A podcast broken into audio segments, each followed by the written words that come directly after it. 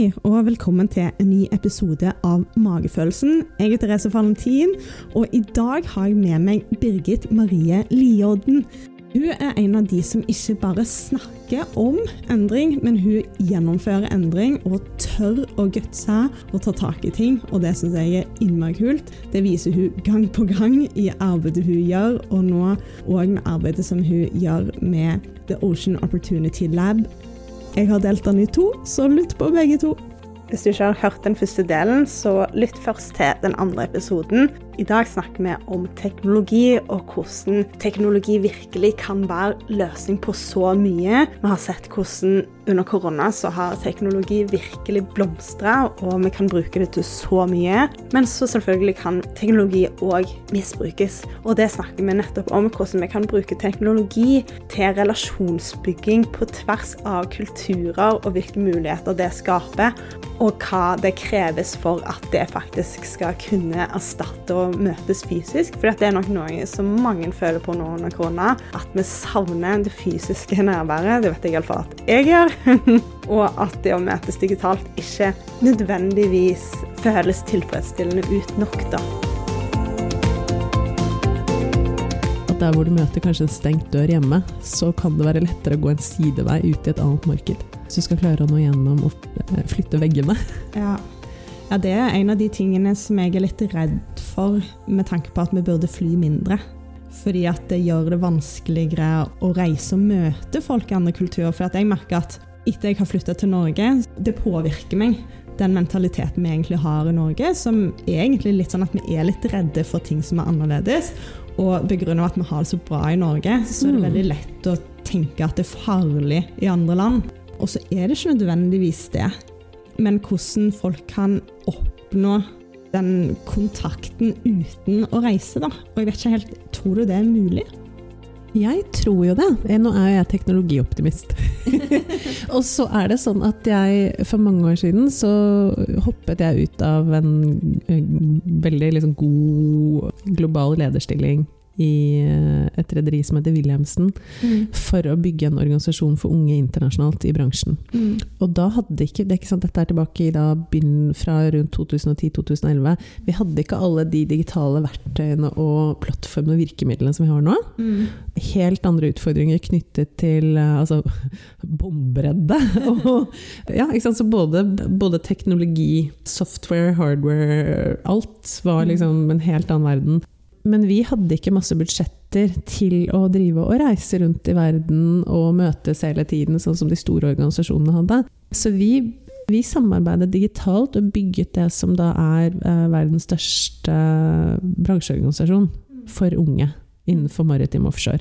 Og der har man samhandlet virtuelt og digitalt hele veien, og man gjør nettopp det.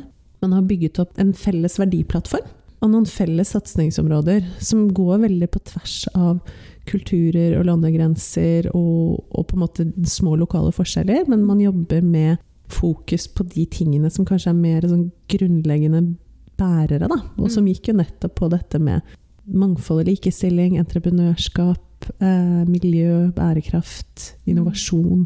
Altså, det er noen elementer der som er veldig, veldig universelle. Mm. Man ønsker å jobbe sammen en måte, mot en bedre verden, og man er unge. Jeg tror at vi kan Selvfølgelig er det alltid hyggeligst, og det er noe helt annet å, å møtes fysisk, men mm. jeg tror allikevel at det er fullt mulig å bygge disse relasjonene, og også jobbe sammen med andre endringsagenter. Og åpne opp menneskers perspektiver, da. Mm. Selv om vi er nødt til å sitte i hver våre land.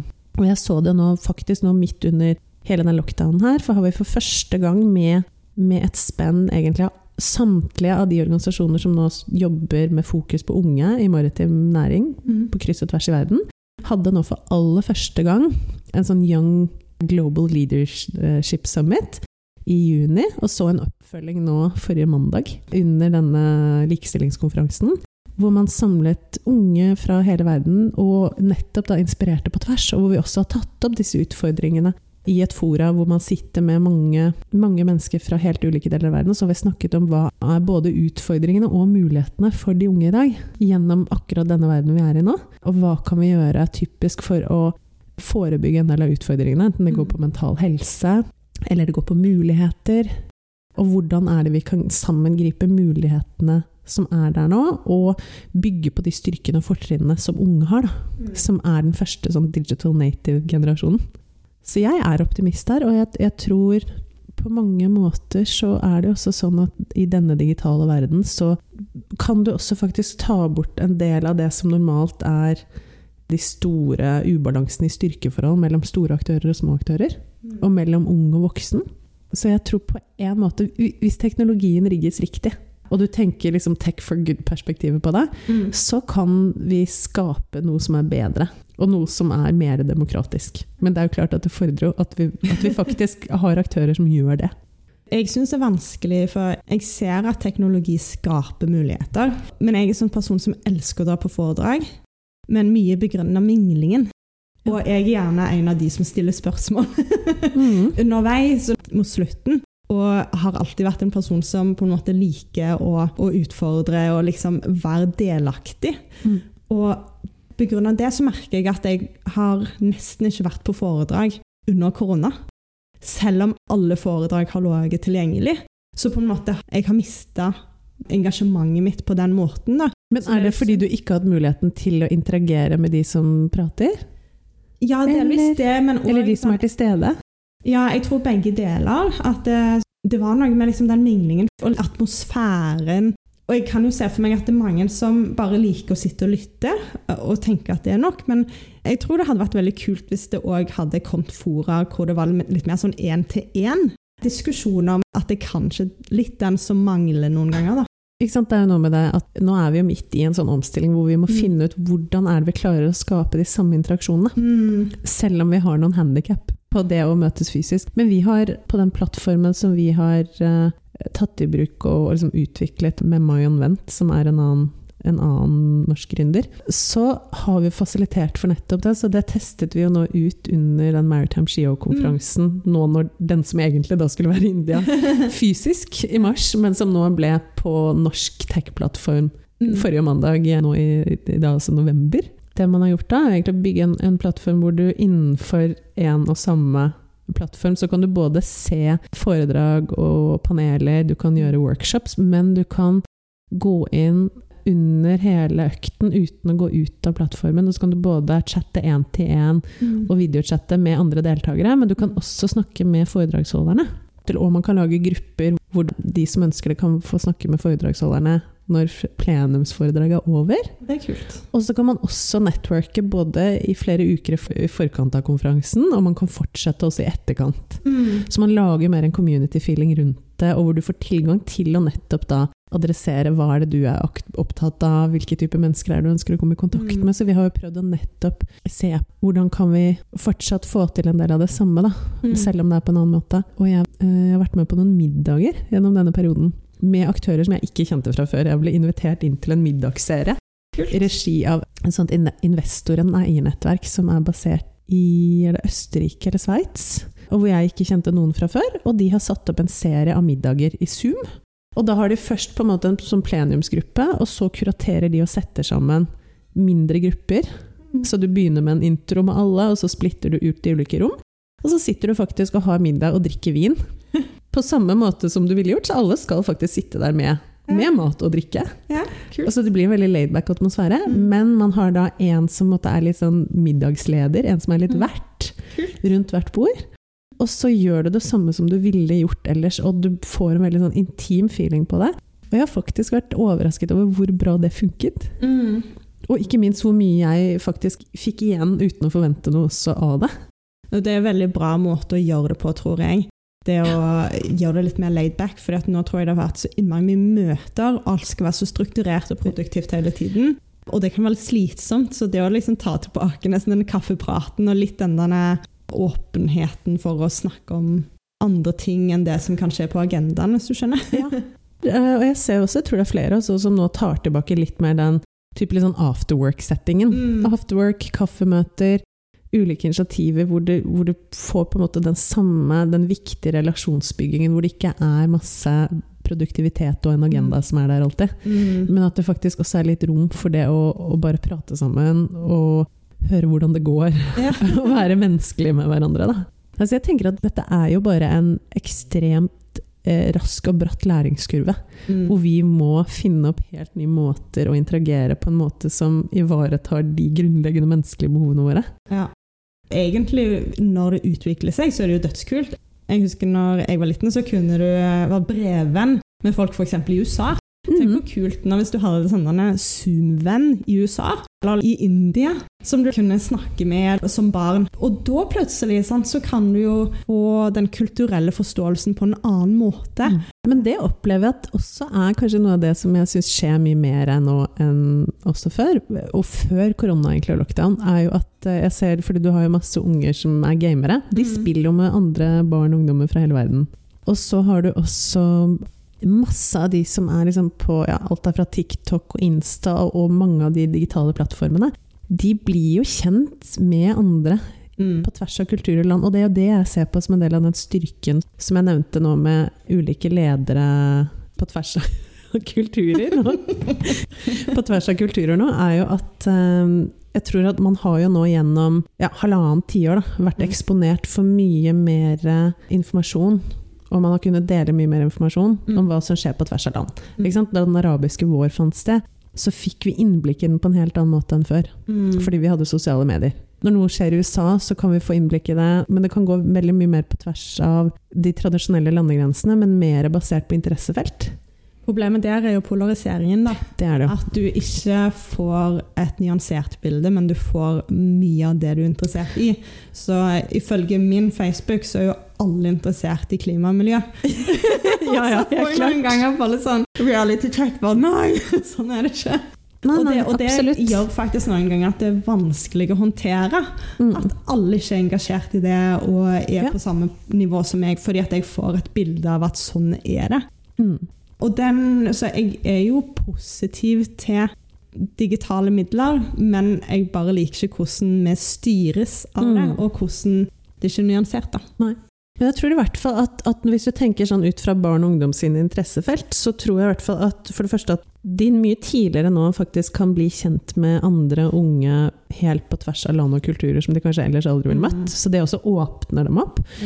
Og så tror jeg for eh, mange av de barn og unge som tidligere kanskje ikke helt fant seg til rette og på en måte fant noen de var like med Mm. i klassen, Ja. så kan de faktisk finne i større grad sin likesinnede. Mm. Og på en måte finne liksom sin lille flokk hvor de passer inn. Håper at det blir mer av det. Dessverre så ser vi jo at, at mobbing har blitt veldig kynisk, da. Og Ja. at de faktisk aldri får fri pga. sosiale medier. Ja, det er både og. Helt Ja, klart. så det, det er innmari komplisert. Mm. Mm, Men det er jo kjempekult at folk kan ha arenaer. Jeg opplevde kanskje det i løpet av livet at jeg, jeg følte meg veldig annerledes. Mm. Og at eh, alle brydde seg om ting som jeg ikke brydde meg om, og så brydde jeg meg om noe som folk kanskje syntes var litt rart. Mm. Og da hvis du kan finne folk som er liker deg, så er jo det veldig deilig. Mm. Jeg ser også flere unge som jeg kjenner nå, både liksom blant eh, familie og venner, som kanskje ja, typisk er sånn som ikke har hatt så mye nære venner, og kanskje ikke passet inn i den liksom, Mm. Gruppe, den flokkmentaliteten som er gjennom ungdomsskoleår og Mm. den biten, men som da har funnet sine liksom, safe, gode arenaer. Mm. De også har kunnet bygge nettverk, oppleve vennskap, bli trygge. Men selvfølgelig, du ser jo baksiden også, og det tenker jeg handler jo veldig mye om at dette er jo veldig ny teknologi. Mm. Og vi som er voksne, som på en måte skal veilede, vi kan ikke nok. Vi bruker også feil. Vi overbruker, vi feilbruker. Det er liksom, jeg tror det samme litt som når TV-en kom, bare at det har gått mye mye fortere. Og mobilen, da den kom. Og så er det laget for å gjøre oss avhengige. Det er det også. Så det er jo psykologer som sitter og har eh, utformet det på en måte som gjør det veldig vanskelig å ja, bruke det på den Absolutt, måten. og det er det jeg mener også. Ikke sant? At teknologi kan jo bygges for godt, men teknologi kan jo bygges både for godt og vondt. Ja. Og det man ser nå, kanskje i større grad, er jo at det er en veldig sånn rovdrift og en veldig sånn Mm. utnyttelse av hvordan vi mennesker har bygd opp. Ja. Og jeg mener jo at hvis vi nå kan bygge teknologi som faktisk ivaretar og tilrettelegger for det menneskelige, Mm. og som ikke skal utnytte det menneskelige, Ja. så tror jeg da er vi på riktig spor. Og det er i hvert fall det vi prøver nå Mm. hos oss. da. Men jeg tror også, som jeg har sett gjennom både denne perioden, men også før, før korona og lockdown, så ser jeg også at Det har enorme potensialer der vi sitter nå, som, som det trepartssamarbeidet vi har gjort på likestilling, med liksom Norge og India i tet der, og det å klare å mobilisere en, liksom, en global bevegelse rundt det. Mm. Nå var den, den konferansen vi hadde sist uke, det er det som er verdens hittil største likestillingskonferanse i vår bransje. Det er ganske sjukt, og det er det kun tre kvinnelige gründere som står bak det, med små organisasjoner i hver sine land. Vi hadde aldri fått til det uten at vi hadde hatt den digitale verden nå. Mm. For den har gjort at vi har kunnet jobbe med veldig lite ressurser, uten å sitte og møtes Mm. fysisk masse. At, at du kan faktisk du, du blir kjent, og du jobber sammen. Du bygger opp tillit, og du bygger opp relasjonen Mm. gjennom de digitale møteplassene. Og du gjør det på basis av et felles sånn, genuint og helhjertet engasjement da, for Mm. en sak. Så jeg tror jo også den at den power of one, som jeg jobber veldig mye med, det der å, å se hvor mye kraft som ligger i hva vi bruker tiden vår på som enkeltpersoner, da. Den tror jeg at du virkelig kan utløse en helt sånn eksponentiell økning av Mm. når du klarer å få til denne type partnerstrukturer. Og at på hver vår side da, så sant, Man hadde kanskje fått gjort så og så mye her og så og så mye der, men man hadde liksom ikke virkelig fått en, et større momentum rundt det. Men når vi sitter og har den verktøykassa Mm. som vi har nå, så kan vi det. Ja. Så klarer vi å oppnå veldig mye mer sammen da enn det hver av oss ville fått til på egen hånd. Det er jo kjempebra. Da begynner du virkelig å kunne utgjøre en forskjell. Ja, Og- det er der jeg virkelig henter mitt engasjement fra. At jeg føler at det, det som jeg bygger opp nå, og det jeg har vært opptatt av å bygge gjennom mange år i ulike roller, har jo vært nettopp det å mobilisere verktøy og ressurser og måter å samhandle på som forsterker endringsagentene, og som gjør at man kan finne hverandre på tvers av der man sitter, men på basis av hvilke gap man ønsker å brobygge, hvilken Mm. endring man ønsker å, å skape. Ja, det er helt fantastisk å høre om arbeidet du gjør, og hvor langt du har nådd. da. Det er kjempefint. og det, det er så motiverende å høre om enkeltpersoner som faktisk utgjør en forskjell. For at jeg tror det er mange som sitter og tenker at oh, jeg har lyst til å påvirke det og det, men jeg føler meg så liten. Mm. Men du viser jo liksom at uh, Hvor lenge du har jobbet uh, med dette nå? Nei, jeg har jo holdt på med det nå i ja, snart 15 år. Ja, Mm. Men over 15 år, da, at du faktisk har oppnådd såpass mye. For det er jo noe med liksom på et år sikt, så kanskje vi ikke oppnår så mye, men hvis du liksom går inn for det og jobber i den retning du ønsker, så faktisk så kan du virkelig romme komme deg eh, både i den ene retningen og den andre, da. Mm. Og så tror jeg, nå skal det sies, ja, jeg har hentet masse inspirasjon i mitt liv fra en film som heter Pay It Forward. Ja, den, og jeg elsker den! Den er Det er fantastisk, men den, jeg syns den viser så innmari fint den effekten vi som helt vanlige enkeltmennesker kan ha Mm. på andre. Og Mm. den har vært på en måte min ledestjerne i alle år, og jeg tenker det er litt med å ta mennesker tilbake dit. at det er ikke det at du må ut og redde verden med det første, men, men hvis vi bruker oss selv som ressurser til å påvirke små ting fra start, da. Mm. At vi bare prøver å være mer bevisste på vår rolle i verden. For at jeg tror virkelig på det at hver eneste handling vi gjør, den kan påvirke positivt eller eller negativt. Og så er det jo opp til oss selv hvordan er det vi vil bruke oss selv Mm. i hverdagen. Og jeg tror det er veldig mye det det handler om. Ikke de der store tingene, de kommer jo etter hvert, kanskje. Mm. Men, men jeg tror det er noe med å begynne i det nære. Noe som er helt håndfast, helt basic. Mm. Men bare ha det fokus hva er det jeg kan gjøre i dag som kan påvirke og hjelpe noen andre? Mm. Ja, og det gir jo en enormt stor glede òg. Mm. Og så tror jeg at innenfor sånn som de områdene hvor jeg har jobbet, hvor det er jo til tider kjempetøft når man er kanskje, Hvis man ligger litt for langt foran en del andre av de som sitter med beslutningsmakt og Ja, det er veldig slitsomt. sant? At du er, måte, du er, du er litt sånn på en sånn loner, litt sånn sidespor en periode.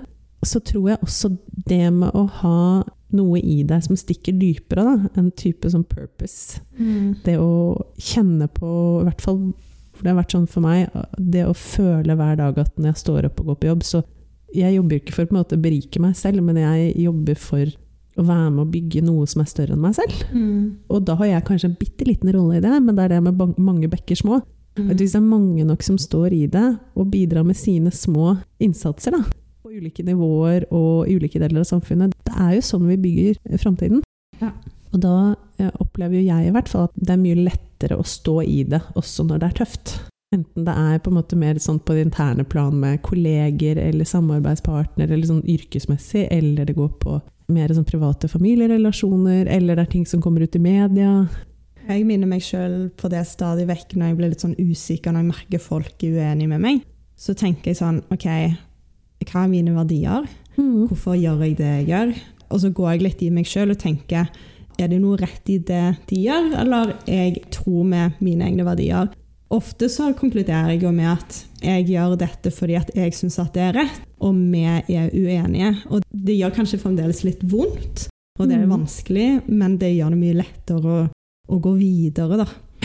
Og så er det kanskje noe med det å gå inn i sånne situasjoner når man jobber med å, å skape endring, og gå inn i situasjoner med si, meningsmotstandere, eller folk som mener noe helt annet enn deg. Gå inn med nysgjerrighet. Og også prøve faktisk ta inn hva, hva er det de tror på, for at de også gjør det av beste mening. Mest sannsynlig. Det er veldig få mennesker som, som gjør ting for å være kjipe. Men det er noe med det å tenke ok, hvordan ser deres verdensbilde ut? Hva er det de kommer fra? Hvorfor er det de brenner for dette? Og er det kanskje, selv om man kan være enige om å være uenige, kanskje det allikevel finnes noen områder hvor man ser at å ja, men her deler vi jo faktisk en oppfatning. Og det syns jeg er kjempespennende.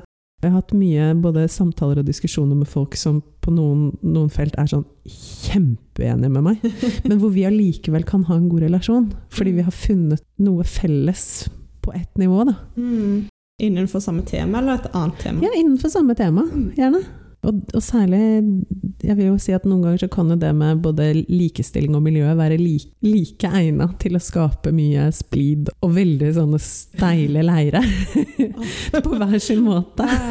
Men jeg tenker også at hvis, vi skal oppnå endring, så kan vi heller ikke bare gjøre det med alle som allerede er enige. Så det er noe med å faktisk klare å, å se hvilken rolle er det vi alle skal spille. Da? Og, og, noen ganger så må man kanskje også bare kjenne på at man er litt tidlig ute, og så må man bare akseptere at det, det kan ta lengre tid for andre å komme dit. Og kanskje møte folk Nå sier jeg dette, jeg syns det er veldig vanskelig, så det er ikke så liksom det jeg skal si nå. Men å møte folk der de er. For at det de som har kommet langt innenfor bærekraft, og kanskje ok, de kan du ha noen samtaler med, men de som har kommet veldig kort, og kanskje bare hjelpe de til å ta ett steg i rett retning, og at det er godt nok, og så jobbe seg videre derfra, da. Mm. Men eh, noen ganger så merker jeg at jeg kan tråkke litt i salaten fordi at jeg glemmer at folk har så ulike ståsted enn det jeg har, så jeg hopper rett inn i en samtale på mitt nivå, og så blir jeg litt sånn Oi, nei, det var ikke du i det hele tatt. Og så blir de provoserte, eller så trigger jeg noe i Ja. de. Og så blir det utfordrende. Da. Så Det er Mm. kanskje det jeg syns noen ganger er vanskeligst. Fordi at jeg, jeg kan glemme meg litt ut. For det er såpass stort engasjement i meg. da. Og, og det brenner jeg meg på hele tiden selv òg. Både på privat setting og jobbmessig. Altså. Så det tenker jeg det er kanskje også det å være bevisst på det, men også faktisk øve seg. Mm. Og så- Det, øvingen kommer naturlig. ja, det gjør det. Men det er jo utrolig interessant å se den reisen som man har kommet gjennom på de årene, i hvert fall for jeg har jobbet med disse temaene. Da. Så ser jeg også at noe av det som virkelig gjør meg kjempeoptimistisk og positiv, Mm. det er at nå ser jeg at veldig mange mennesker og aktører som jeg kjenner som tidligere var nettopp da meningsmotstandere, Mm. hvor jeg liksom virkelig følte at jeg dunka i døra og hoia og skrek, ikke sant? Mm. Og det var bare, vi var helt på hver vår planet. Plutselig nå så er det mange av de som jobber med de samme tingene, og for de samme tingene som jeg gjør. Sånn at man merker jo at der har, det, der har det skjedd utrolig mye. Og jeg tenker jo sånn som på miljøsiden, så husker jeg da jeg var med å organisere den første miljøkonferansen for unge i shipping, tilbake Mm. i det tror jeg var 2009 eller 2010. Det var liksom den første ever. Da var det veldig mange aktører som ikke ville være med og backe, liksom støtte som ikke så noe relevans av det. Og så var det også veldig mange av også de unge som hadde den holdningen at ja, ja, fint at du driver med de her eh, wishy-washy grønne greiene og CSR og sånn, men noen av oss må faktisk gjøre business. Ja. Så det var en helt annen holdning rundt at, at det å fokusere grønt, det var mer en sånn sidesak for Mm. spesielt interesserte. Og det var en motsetning Mm. til lønnsom business. Mens der jeg føler at vi er nå, så har veldig, veldig mange, og et stadig voksende antall av aktører og mennesker, sett at hvis vi skal lage lønnsom business, Mm. så er det faktisk gjennom å nå bygge bærekraftsorienterte forretningsmodeller og nye løsninger som løser problemer i verden.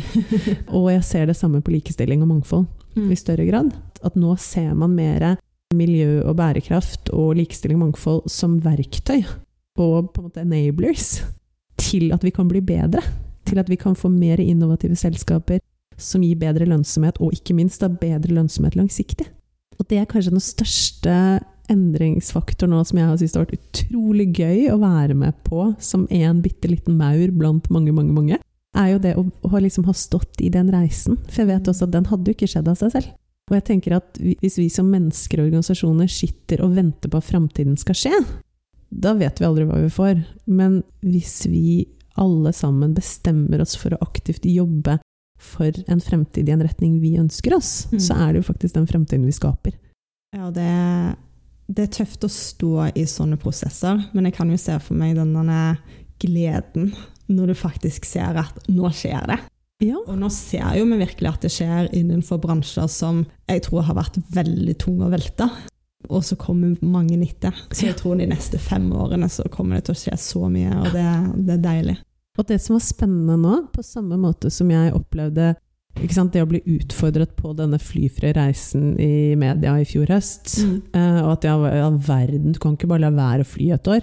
Så kom korona, og gjett hva? Nei, nå, har, nå sitter vi alle og ikke skal fly omtrent et år. Og må finne nye måter å løse arbeidshverdagene og familie- og privathverdagene våre på. Mm. Og vet du hva, når, når vi må, når vi blir presset i det, så gjør vi det. Vi finner ut av det.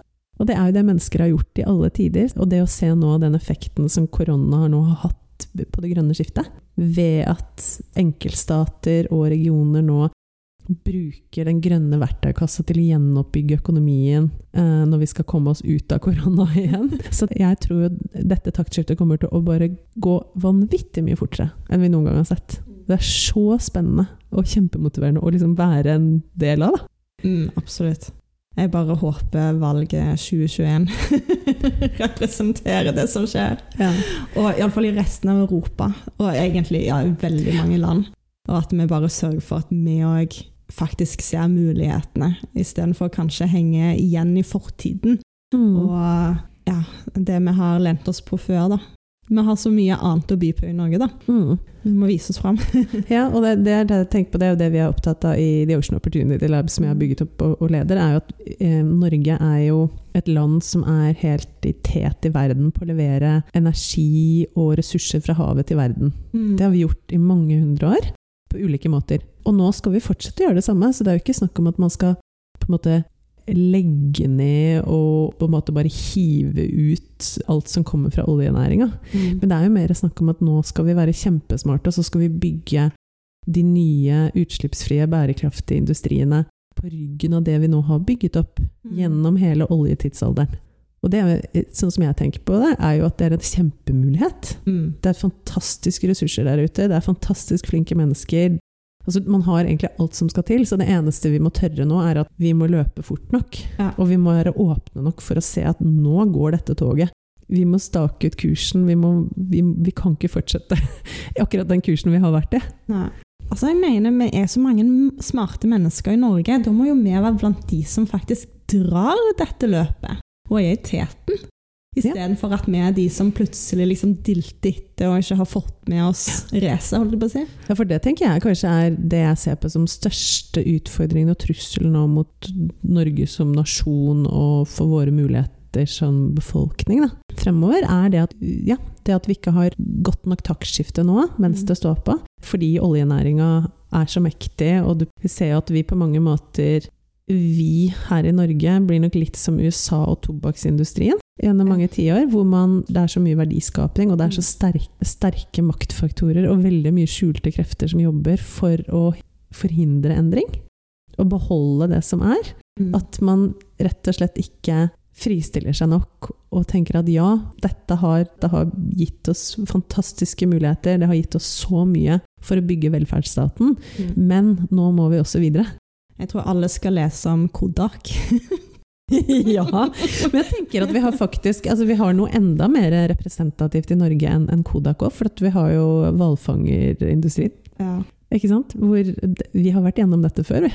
Med å faktisk ha bygget opp en fantastisk eh, inntektsbringende bransje som plutselig ingen ville ha lenger. Ja. Altså, vi hadde fantastiske produkter som fortsatt gikk ut, gikk ut tomt for hvalolje. Men plutselig så hadde vi et produkt som det, det stinka, holdt jeg på å si. Folk ville ikke ha det. Det var assosiert med, med mye dårlige ting. Og jeg tenker det er litt der vi er nå på vei da, med olje. At, at vi ser fremover nå at EU vil ikke ha norsk gass. Mm. Det blir flere og flere som ikke vil ha petroleumsprodukter. Det må vi ta inn over oss. Det er etterspørselen og markedet som driver. Ja. Og hvis, hvis vi har masse ressurser, så hjelper det ikke at vi fortsatt har dem, hvis det ikke er noen som vil ha dem. Nei. Nei, og det er det jeg er kanskje mest redd for, at Norge plutselig skal stå der at vi, vi tilbyr olje, og det er det vi lener oss på. Og så har vi funnet et alternativ, så folk er litt sånn Ja ja, len dere på det, dere, men vi vil ikke ha den. det er akkurat det. Nei, så, jeg tror vi har masse, masse gode forutsetninger, og virkelig så tror jeg også at vi har noen av de mest spennende styrkene vi har her på berget. Det er jo både at det er veldig lite avstand mellom rik og fattig fortsatt, Mm. selv om den har tendens til å være økende. Og så er det lite forskjell mellom type juniorer og nyansatte unge og toppledere. Og vi har mye tillit i det norske samfunnet, mye åpenhet. Vi stoler på myndighetene, vi stoler på hverandre liksom i de strukturene som samhandler for å, for å bygge samfunnet vårt. Så, så er det mye tillit. Og vi er gode på å samarbeide om innovasjon og i klynger. Og det er noe av det mest verdifulle nå i den tiden vi skal gjennom, er jo det å bygge framtiden sammen. Det Mm. er vi gode på.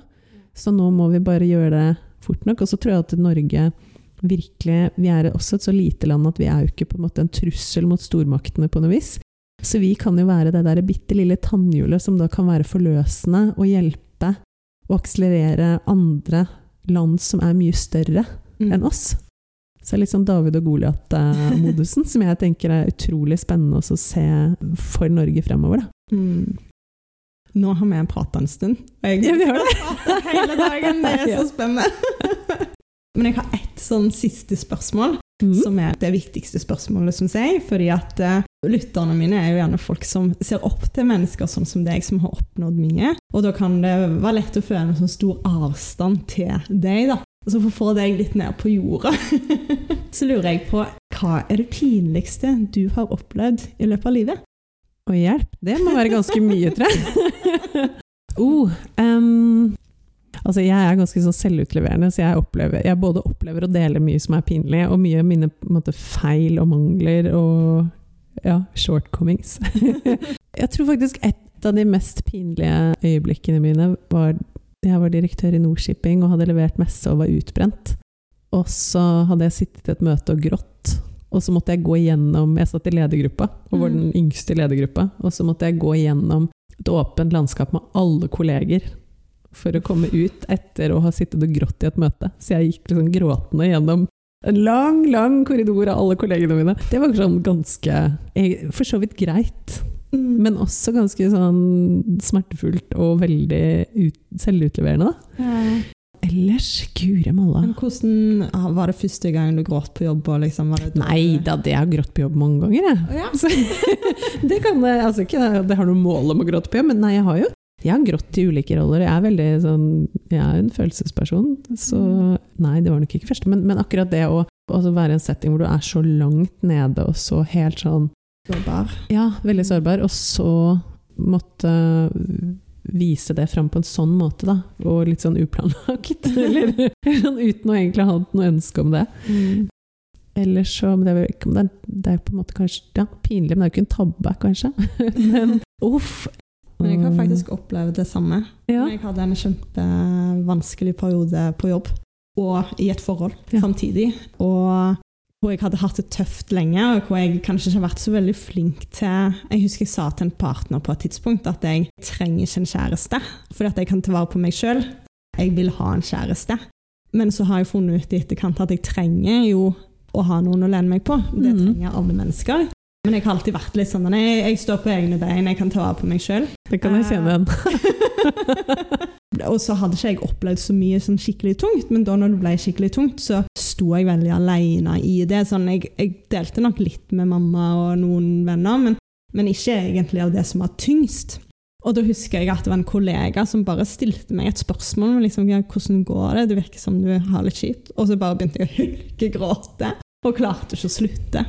Men jeg tror for meg òg så var det den der at det var veldig deilig, men litt sånn panisk òg, fordi at det kom så uforberedt. Eller liksom Mm. bare sånn plutselig, og så hadde jeg liksom ikke helt kontroll. da. Mm. Mm. Og ellers sånn på pinlighetsskalaen, så jeg eh, holder mye foredrag og gjør mye ting sånn synlig. Altså jeg tror nok det er sikkert veldig lett å tenke at det er noe som jeg liksom tar på strak arm, og at det, og sånn har jeg bare alltid vært. Men da jeg var yngre, så var jeg egentlig veldig, veldig beskjeden og veldig usikker på meg selv. Jeg har aldri vært sånn kjempetøff som person fra jeg var liten. Men jeg har øvd meg mye på å Mm. gjøre ting som jeg egentlig syns er veldig ukomfortabelt. Og det å, å snakke foran mennesker, stå på en scene eller ta plass og være synlig, det er egentlig, sånn meg som person fra naturens side, så var det noe av det aller verste som jeg kunne se for meg. Og jeg var sånn som hadde angst for å prate foran folk bare vi satt i et avdelingsmøte. Da jeg var 23 og begynte i Wilhelmsen, så var det å skulle ta ordet i et avdelingsmøte med mine eldre kollegaer, Mm. det var nok til at jeg fikk sånn helt sånn stress- og prestasjonsrush, hvor jeg rødmet Mm. og skalv i stemmen og ble rødflekkete på brystet. og jeg ble, så selvbevisst usikker. Mm. Så for meg så har det vært en lang reise av eksponeringsterapi. altså rett og slett bare, jeg har, jeg har vært veldig bevisst på å gjøre ting jeg syns er fryktelig ubehagelig og pinlig og ekkelt. Mm. Fordi jeg har sett at hvis, hvis jeg skal kunne få til de tingene jeg har lyst til av endring, så må jeg på en måte bruke meg selv som et verktøy, og da må jeg gjøre ting som er ubehagelige. Så jeg tror kanskje på den pinlighetsbiten så har jeg nok kjent mange ganger på det å stå foran mennesker og skulle snakke, og virkelig kjenne meg sånn ordentlig ute i pass, og Mm. kjempeengstelig og redd for å om, sant, om de ikke skal like deg, om de skal synes at du er dum, om de skal altså, sant, synes du er helt bak mål. Altså, ja. Mm. Og det der kjenner jeg meg veldig igjen i, for jeg har alltid hatt veldig sånn trang for å si det jeg mener. Mm. Eh, Så jeg har mange ganger snakka selv om jeg har syntes det var dritskummelt, men jeg bare har liksom måttet. Ja, På noe akkurat. vis. Og så bare sånn «Nei, Søren, dette her er så fælt, og det gjør så vondt, og dette er så skummelt, men jeg må si det. Mm. Jeg tror det er mange som misforstår og tror at folk som snakker mye, aldri blir nervøse. Nå er jeg veldig trygg i den rollen, men jeg husker jo starten, og spesielt i starten av karrierelivet, så var det jo dritskummelt. Men det hjelper sånn å eksponere seg og bare gjøre det som Mhm. er skummelt. Og jeg tror jo, eh, det jeg også merker for min del, selv etter mange år har vært veldig mye ute i det offentlige, både hjemme og internasjonalt, og og på en måte fått lov til å være med og ha ordet i ting, da. Eh, Så merker jeg også at eh, i perioder hvis jeg er veldig sliten selv, eller hvis jeg går gjennom noe som er tøft, så er jeg også mye mer usikker i de settingene hvor jeg da skal stå foran andre og prate. Og, og det har jeg på en måte bare akseptert med meg selv, at sånn må det bare være. Mm. Noen ganger er jeg ikke på topp, og, og noen ganger så føles ting skummelt og ekkelt. Mm. Og, og det vil nok alltid være sånn, Mm. til en viss grad gjennom livet. Så det jeg håper også, er jo, og som jeg prøver å være veldig bevisst på, også enten jeg er ute i sosiale medier eller når jeg snakker med folk, og særlig i de settingene hvor jeg snakker med og foran yngre, så er jeg veldig bevisst på at det er så viktig det å kommunisere også mye av de utfordringene man har, og de svakhetene eller sårbarhetene man har, og Mm. ikke bare det som er fint og flott. For det er veldig lett i dagens samfunn at du får et, et bilde av noen som er litt sånn supermennesker, og som Mm. bare får til alt å stå på, og det bare ordner seg, og de er så sterke og tøffe. Og det er jo ikke sånn. Fordi vi er jo alle sterke og svake, vi er lukkede og åpne, altså vi har masse greier med oss, og vi er jo bare mennesker. Men, men så er det litt det med å, å tørre å faktisk være seg selv helt, helt og fullt ut, også med det. Sånn at det blir lettere for andre som har engasjement, og som føler at de har noe de har lyst til å være med og skape og bidra på. At de kan gjøre det uten at de må føle at de skal være supermennesker først. Ja. Og jeg syns det er så dumt med mennesker som prøver å presentere seg sjøl som perfekte, og at de ikke har noen problemer. For det tror jeg ikke på. Og det gjør at jeg tror det er så mange som sitter på sidelinjen og tenker at jeg kan aldri bli sånn, for at jeg er ikke sånn og sånn. Men så viser det seg jo gang på gang at vi alle bare er mennesker som er flinke til noe og mindre flinke til andre ting, Ja. og går gjennom vanskelige perioder i livet og eh, sliter med sykdom eller mentale lidelser til tider. Men allikevel så kan vi nå langt. Ja, og vi har dårlige sider og gode sider, og dårlige og gode dager. Ja, så bare å heie alle fram ved å kanskje bare være ærlig, og ikke liksom bygge et samfunn hvor alle er usikre på seg sjøl Mm. fordi at vi skal fremstilles som noe vi egentlig ikke er. Når vi jobber med, med bærekraftige løsninger for planeten, så ønsker jeg meg veldig et samfunn hvor vi har mye mer rom for å være hele mennesket. Det tror jeg er så Mm. viktig. Og hvor vi også ser på hverandre som ressurser på tvers av hva vi kan bidra inn med. Så føler jeg litt der vi er i dag, så er det veldig lite plass til hele mennesket i Mm. næringsliv og i strukturene våre. Og så er det også veldig lite plass for annet enn det som er A4 av type, hvis du tenker på menneskene som en ressurs i næringsliv og arbeidsliv. Mm. Så er det også veldig A4 at man, man, man tenker veldig tradisjonelt ofte rundt rekruttering. Og så er det litt sånn enten er du innafor, eller så er du utafor. Og jeg tenker at hvis vi virkelig skal jobbe for å bygge et bærekraftig verdenssamfunn, så må vi også klare å bygge et samfunn hvor uavhengig hvor mye og hva du kan bidra med inn, Mm. så alle skal kunne bidra med noe. Da må vi lage strukturer som gjør at alle kan bidra med sitt. Så, så jeg tror der er det så mye å hente fremover, og jeg er utrolig spent på nå å se Jeg tror det kommer veldig mye sosial innovasjon ut fra Mm. denne, hele denne korona-lockdown-perioden. Uh, Og jeg er kjempespent på å se hvordan vi nå skaper framtidens løsninger som Mm. ivaretar mangfoldet inn i, i samfunnet. At alle Mm. skal ha det trygt og godt og kunne bidra, men også kunne få dekket basisbehovene sine på en god måte. Og at det er noe vi må på en måte sy de der sikkerhetsnettene, sånn at vi ivaretar hverandre. Mm. Ja, på en måte sånn Jeg tror det er mange som dessverre har fått det mye tøffere pga. korona. Ja. Det som er positivt med det, er at mental helse har fått et veldig stort fokus. Som jeg håper gjør at i etterkant av korona så kommer vi til å se mange gode løsninger, og at vi kanskje støtter hverandre på en annen måte, og at det er mer åpenhet rundt det. da. Mm. Mm. Og det håper jeg virkelig, så la oss krysse fingrene for det. Og jobbe for det, aktivt, ikke minst. Absolutt. Hjertelig takk for en utrolig spennende samtale. Tusen takk, og tusen takk for at du ville komme hjem i mitt rotehus. Det er gøy. Jeg setter så pris på at du har seil på gulvet på kjøkkenet. Vi kan jo si at du driver og flytter nå.